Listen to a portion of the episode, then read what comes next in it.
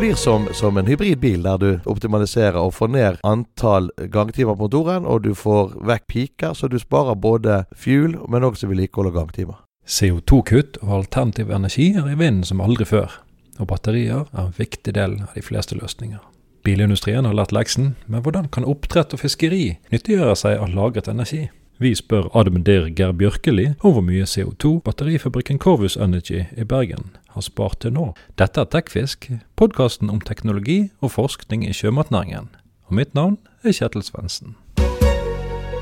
Vi har en teller på hjemmesida som indikerer hvor mye våre batterier har spart til nå. Og mens vi sitter her, så har vi spart 208 000 metric tonn med CO2. Siden når? Vi hadde jo veldig få installasjoner i begynnelsen, så dette har eskalert veldig siden 2016-2017, når det virkelig begynte å levere store mengder batteri. Så her går telleren fortere og fortere? Ja, han går fortere og fortere, både fordi vi leverer flere og flere batteri, og så klart altså install-basen øker. For det er jo ikke noen batteri som har gått av noen båt ennå. Dere holder til på Midtun i Bergen. Fortell litt om anlegget her, det er relativt nytt. Vi flytta opp på Midtun her i, i, i, i, sommer, da vi hadde lagt planer for måtte etablere produksjon i Bergen. Så vi måtte finne et egnet lokale som både hadde kontor og verkstedslokale, og var tilgjengelig relativt raskt. Så her på Midtun har vi ca. 1000 kvadratmeter med kontor og 5000 kvadratmeter til produksjon. Når det gjelder produksjon, så har vi da et, et, et relativt stort lagerområde for inngående varer. Og så har vi en uh, fullrobotisert fabrikk som monterer sammen batterimoduler til uh, det europeiske uh, og asiatiske markedet. Hvor mange ansatte er dere? Vi er ca. 40 ansatte per i dag. Vi trenger bare to mann per skift i produksjonen, så nå kjører vi to skift, så det er fire mann der nede, og litt støttefunksjoner. Så mesteparten av folket her er relatert til salg, prosjektledelse, applikasjon, produksjonsledelse. Så mesteparten her er på kontoret. Alle snakker om eh, batterier for tiden. Hva gjør en batteriløsning f.eks. på en stor fiskebåt? Nei, batteriet på en stor fiskebåt det bidrar veldig til å optimalisere energiforbruket. Det betyr at eh, så, så en fiskebåt ofte har, har variabel kraftbehov. Enten når man er på full fart ut på feltet, eller på full fart inn fra feltet, eller han ligger i ro og leter etter fisk, eller han kjører bruket inn og ut av sjø, så har du ulike kraftbehov. Og Enkelte ganger har du veldig store piker der du kan få umiddelbart kraftbehov. Det som batteriet gjør da i en hybridløsning, er at eh, batteriet leverer strøm inn på anlegget hvis du har lav effektbehov, og eventuelt når du har motoren i gang, så kan du lade batteri. Men spesielt i der du har veldig lavt eh, energibehov, så kan du stoppe motorene, så tar du strømmen fra batteriene istedenfor at en motor går på tomgang. Så det blir som, som en hybridbil, der du optimaliserer og får ned antall gangtimer på motoren, og du får vekk piker, så du sparer både fuel, men også vedlikehold og gangtimer. I fjor leverte dere batteripakke til linebåten Geir. Kan du fortelle litt om det prosjektet? Ja, det er òg en, en hybridløsning der batteriet står i kombinasjon med generatorer og vil kunne bidra til at du sparer strøm og gangtimer eh, når, når, når, du er i bruk. Så, så, på veldig lav last så kan du sikkert klare det bare med batteri, og med, med veldig høy last så kan du booste med, med, med batteriet. Så, så, det blir på samme måte som, som, som en, en, en, en, hvilken som helst hybridløsning. Er det noe som eventuelt stopper rederiene fra å investere i eh, store batteripakker? Nei, egentlig ikke. De fleste fiskebåter i dag, andre båter, er jo moderne med en form for uh, elektrisk framdrift framdrift eller hybridinstallasjon. Så du har jo et en utfordring med at eh, batteriene koster penger. Og hvis ikke du klarer å ta ned installert effekt for motorer, så blir det en ekstrakost som, som vil ha en nedbetalingstid. Men vi ser at de fleste her har nedbetalingstid på tre og fire år og kortere. Vi tror jo på nybygg hvis du kan enda mer optimalisere og se på driftsprofilen, så vil et batteri kunne bidra til at du kan ta ned installert effekt, og at du nødvendigvis ikke trenger å ha en ekstrakostnad, og bare ha besparelsene. Merker dere eh, økt interesse i fiskerinæringen? Ja.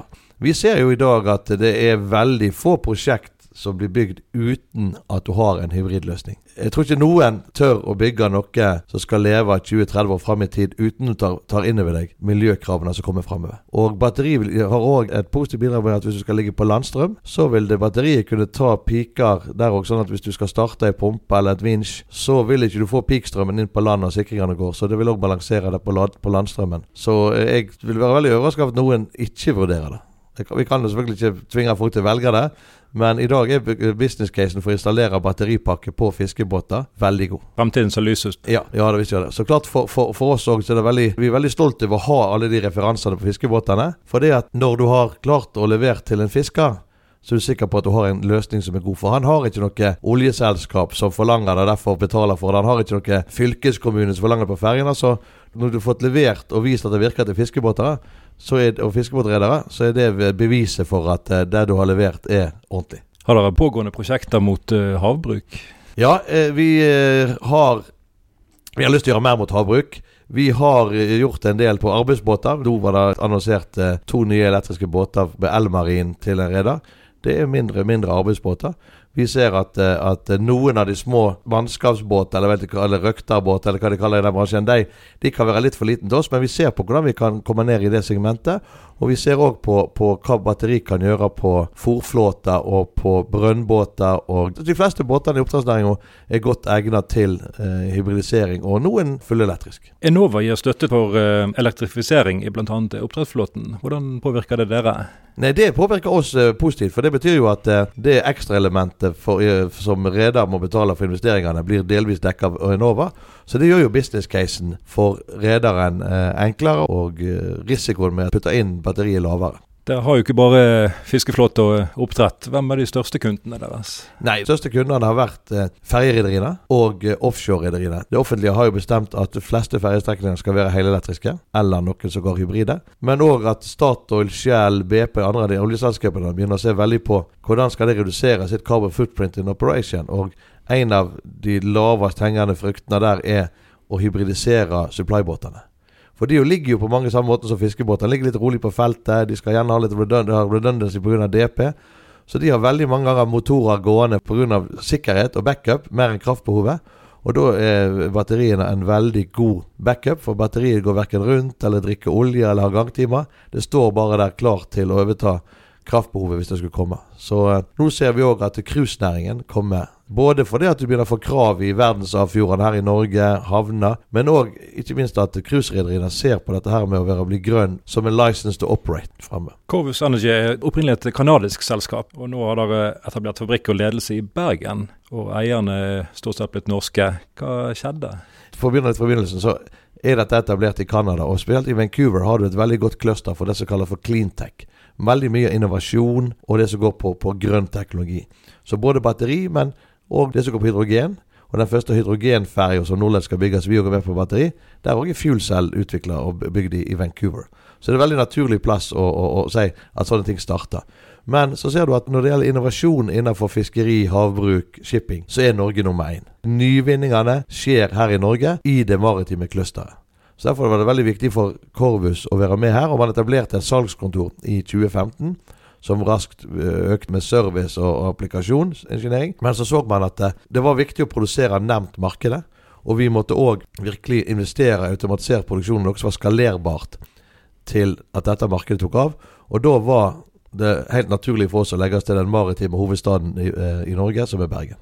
Dere har investert 80 millioner i fabrikken, og fylkeskommunen har gått inn med en halv million. og Dette har dere tro på? Ja, vi har investert 80 millioner eh, totalt. Og selvfølgelig veldig glad for fylkeskommunen og, og annen støtte. Det dreier seg om 40-50 millioner i fabrikkanlegg, og resten er til, til administrative systemer og hele prosjektet med å etablere seg. Vi har veldig tro på framtida og eh, vil fortsette å investere både i produktutvikling og i videre i produksjonsfasilitetene i, i tiden som kommer. Det er flere batteritilbydere. Hvor store er dere? Ja, vi er relativt store. Vi ser på oss som den ledende og vil være den ledende. Men, men selvfølgelig, vi òg må jo ha konkurrenter, og det setter vi, setter vi pris på. Sånn at vi òg får utvikle oss og, og, vi får litt mangfold. Vi er den største per i dag, og det vi liker å være størst på, er jo ikke bare volum, men at vi har nå utvikla ulike batteri til ulike typer. Så vi har i fjor hadde ett batteri, så via oppkjøp og videre produktutvikling så har vi nå faktisk syv batterier i porteføljen. For det, det er ikke sånn at one size fits all i batteriverden. Du må ha ulike batterityper til ulik bruk. Fra de store batteriene med sein inn- og utlading, men der du skal med deg masse energi til cruisebåter som skal gå lenge fullelektrisk, til batterier som skal håndtere hiv-kompensering og energien og ut for hver bølgehøyde i Nordsjøen. Og Det kreves ulik kjemi. Hvilken type batteri har en stor fiskebåt? Det er litt de samme batteriene som supply-båter og ferje, der du har et batteri som vi kaller for Orca Energy. Som har en lade- og utladingskapasitet på 3C. Det betyr at du kan tømme batteriet eller fylle batteriet på en tredjedel av en time. Så, så 20 minutter kan du, kan du lade hele batteriet. Så det har en veldig god kapasitet til å respondere veldig kvikk til lastvariasjoner. Men det kan godt være at du ser på noen fiskebåter Hvis du skal lage helelektriske fiskebåter, så kan det være at du, du vil i framtiden kunne ha batterier som ligner litt mer på disse cruisebåtene. Og vi har jo levert til verdens første fullelektriske eh, fiskebåt, så den sjarken heter Caroline. Og den har, den har disse Orca Energy-batteriene, men jeg tror hvis du skulle lagd helelektriske fiskebåter, som f.eks. kan lade hele natten, eller lade over en tid, være ute på feltet en dag, sånn, så, så kan du kunne hatt eh, andre typer. Og på oppdrettsbåter, som òg gjerne er sånn arbeidsbåter som ligger til kai om natten, så kunne du kanskje sett på, på mer robuste og kanskje billigere løsninger som ikke hadde så stor ladekapasitet. Hvor langt inn i fremtiden ligger det at det kommer en stor fiskebåt som er helelektrisk? Nei, det er fra vår del så trenger ikke det være så langt framme. Eh, de store fiskebåtene er jo på havet i, i, i dagevis, og der, der, er vi ikke ennå. Der vil du se kanskje at han er elektrisk og så har med seg eh, kraftkilder. Men, men kystfiskeflåten som er til kai eh, oftere. Det er ikke noen vei å lage en relativt stor båt òg eh, helelektrisk. Men selvfølgelig, stor er jo relativt. Jeg vil tro at du vil se på, på havgående flåten så vil du se mer de samme behovene som du har på, på deep sea-båtene, altså tank og på uh, bulk. At du gjerne Framtidens båt er elektrisk, men du må kunne ha med deg kraftproduksjon. Så om, det i dag er diesel, kanskje det burde vært dual eller LNG, at du kunne gå på diesel og LNG hvis LNG var. Men i framtiden så er det jo forskning på skal du gå på ammoniakk, skal du gå på hydrogen. Og jeg tror at fiskeflåten vil være i stand til å adoptere morgendagens fuel på lik linje med de andre uh, havgående båtene. Du nevnte roboter, som dere har en fabrikk full av. Ja. Er dette norsk teknologi? Robotene er ikke norske. De er vel roboter produsert i Kina. Men det er ikke der teknologien ligger. Vi har relativt standardiserte roboter. Men å bygge systemet her nede som består av nærmere 20 roboter som er i seks-syv uh, ulike celler, det er gjort av et firma som heter Imtech på Raufoss. Og der rundt Raufoss så har du ei klynge som eh, vokste opp i forbindelse med leverandørindustrien til bilindustrien. Og det er langt framme på det som går produksjonsteknologi. Så vi har hatt eh, samarbeid med Sintef og med det firmaet for å bygge framtidens produksjonslinjer. Det som er unikt og derfor teknologien, det er hvordan du setter det sammen. Så det er norskt. For det om du bruker utenlandske komponenter. Batteriene de kommer fra Battericellene per i dag kjøper vi fra LG Chem i Korea. De kommer enten fra Korea eller fra Kina.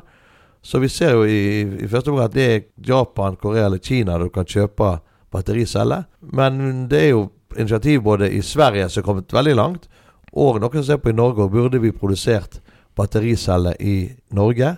Vi har alle innsatsfaktorene. Du trenger mye kraft. Vi kunne gjort dette med ren kraft versus mer skitten kraft ute i Asia. Og det er metaller og sånn som, som vi òg har tradisjon på å lage med både Hydro og Elkem. Så jeg har tro på at vi burde gjerne eh, investert i battericelleproduksjon i Norge. Fortell litt forenklet hvordan robotene deres lager et batteri. Vi kjøper battericeller, og robotene nede det er ren montasje. Vi har fabrikk i Canada, der blir dette gjort fullstendig manuelt. Så roboten begynner med at han faktisk får kjørt inn den eh, første roboten som vi kaller for en sånn logistikkcelle. Der kjører du inn palle med battericeller, der, og du har palle med, med, med ulike deler, spesielt eh, plastikkdeler og sånn. Så den da pakker opp og legger på paletter eller med ferdige jigger. Og så blir det kjørt inn i neste celle der det blir battericeller, plastikkdeler, der det blir montert, limt på isolasjon. Og så blir det lagt en sånn cellcarrier som kalles det, battericeller inni en inn i en, en, en holder. Neste, neste, operasjon, neste celler, da blir disse her uh, ulike cellkarrierene kliksa sammen til, til, en modul. Og man får montert på bussbarer, og, og, man går til, til, sveising i neste celle. Og man får på montert på eh, elektronikk og, og eh, kort. Og til slutt så, så blir eh, deksel og endeplater, og det er utvendig montert. Og så blir han kjørt til neste celle, der han blir faktisk testa. Da blir han putta ned i en dokkingstasjon, og man blir kjørt et, et testprogram og sjekka at alt er i orden. Og så, så, blir den pakket i en eske og på en palle. Så alt dette skjer uten at folk tar i det. Hvor lang tid bruker dere på et batteri til en middels båt? Eh, vi skal lage ti moduler i timen når fabrikken er fintuna. Så da skal vi lage ti. Det blir ca. 57 kWt i timen. Så da på en sånn fiskebåt så har vi sikkert fra 200 til Så fra fire til åtte timer så lager vi et, eh, et komplett batteri til en fiskebåt. Jøye. Ja. Så det er litt viktig for oss når det gjelder nærhet til markedet, at det, skulle det bli noe feil eller reservedeler, at at noe blir ødelagt, så kan vi reprodusere dette her eh, rimelig raskt. For dere oppgraderer eh, eldre batterier også? Ja, vi har ikke gjort det til nå, for det, batteriteknologi er så ung, men det vil vi, vi gjøre. Vi vil kunne bytte ut i framtida og se på at batteriene som er utslitt, gått ut Men det, det er sånn ti år fram i tid. Så vi vil kunne ta de tilbake igjen og enten bruke de i andre områder eller resirkulere de. For miljøfotprint er veldig viktig. Så vi tar de tilbake igjen, og da kan vi reinstallere batterier òg. Men skulle du få en feil, som vi ennå ikke har så mange av, så kan vi òg erstatte en batterimodul på veldig kort tid. Så vi, vi lager det ti i timen, så det er bare snakk om tid du får en telefon, så har vi batteri alltid på lager. Du sier at batteriteknologien er ung. Hva er det neste som kommer? Nei, den som det visst er. Jeg tror det vil komme eh, Det vi ser fram er jo ikke drevet av det maritime. Teknologien i bunnen er drevet veldig mye av landbasert, og ikke minst bilindustrien. Folk snakker om solid state, altså batterier som er sikrere, kan ta mer lading.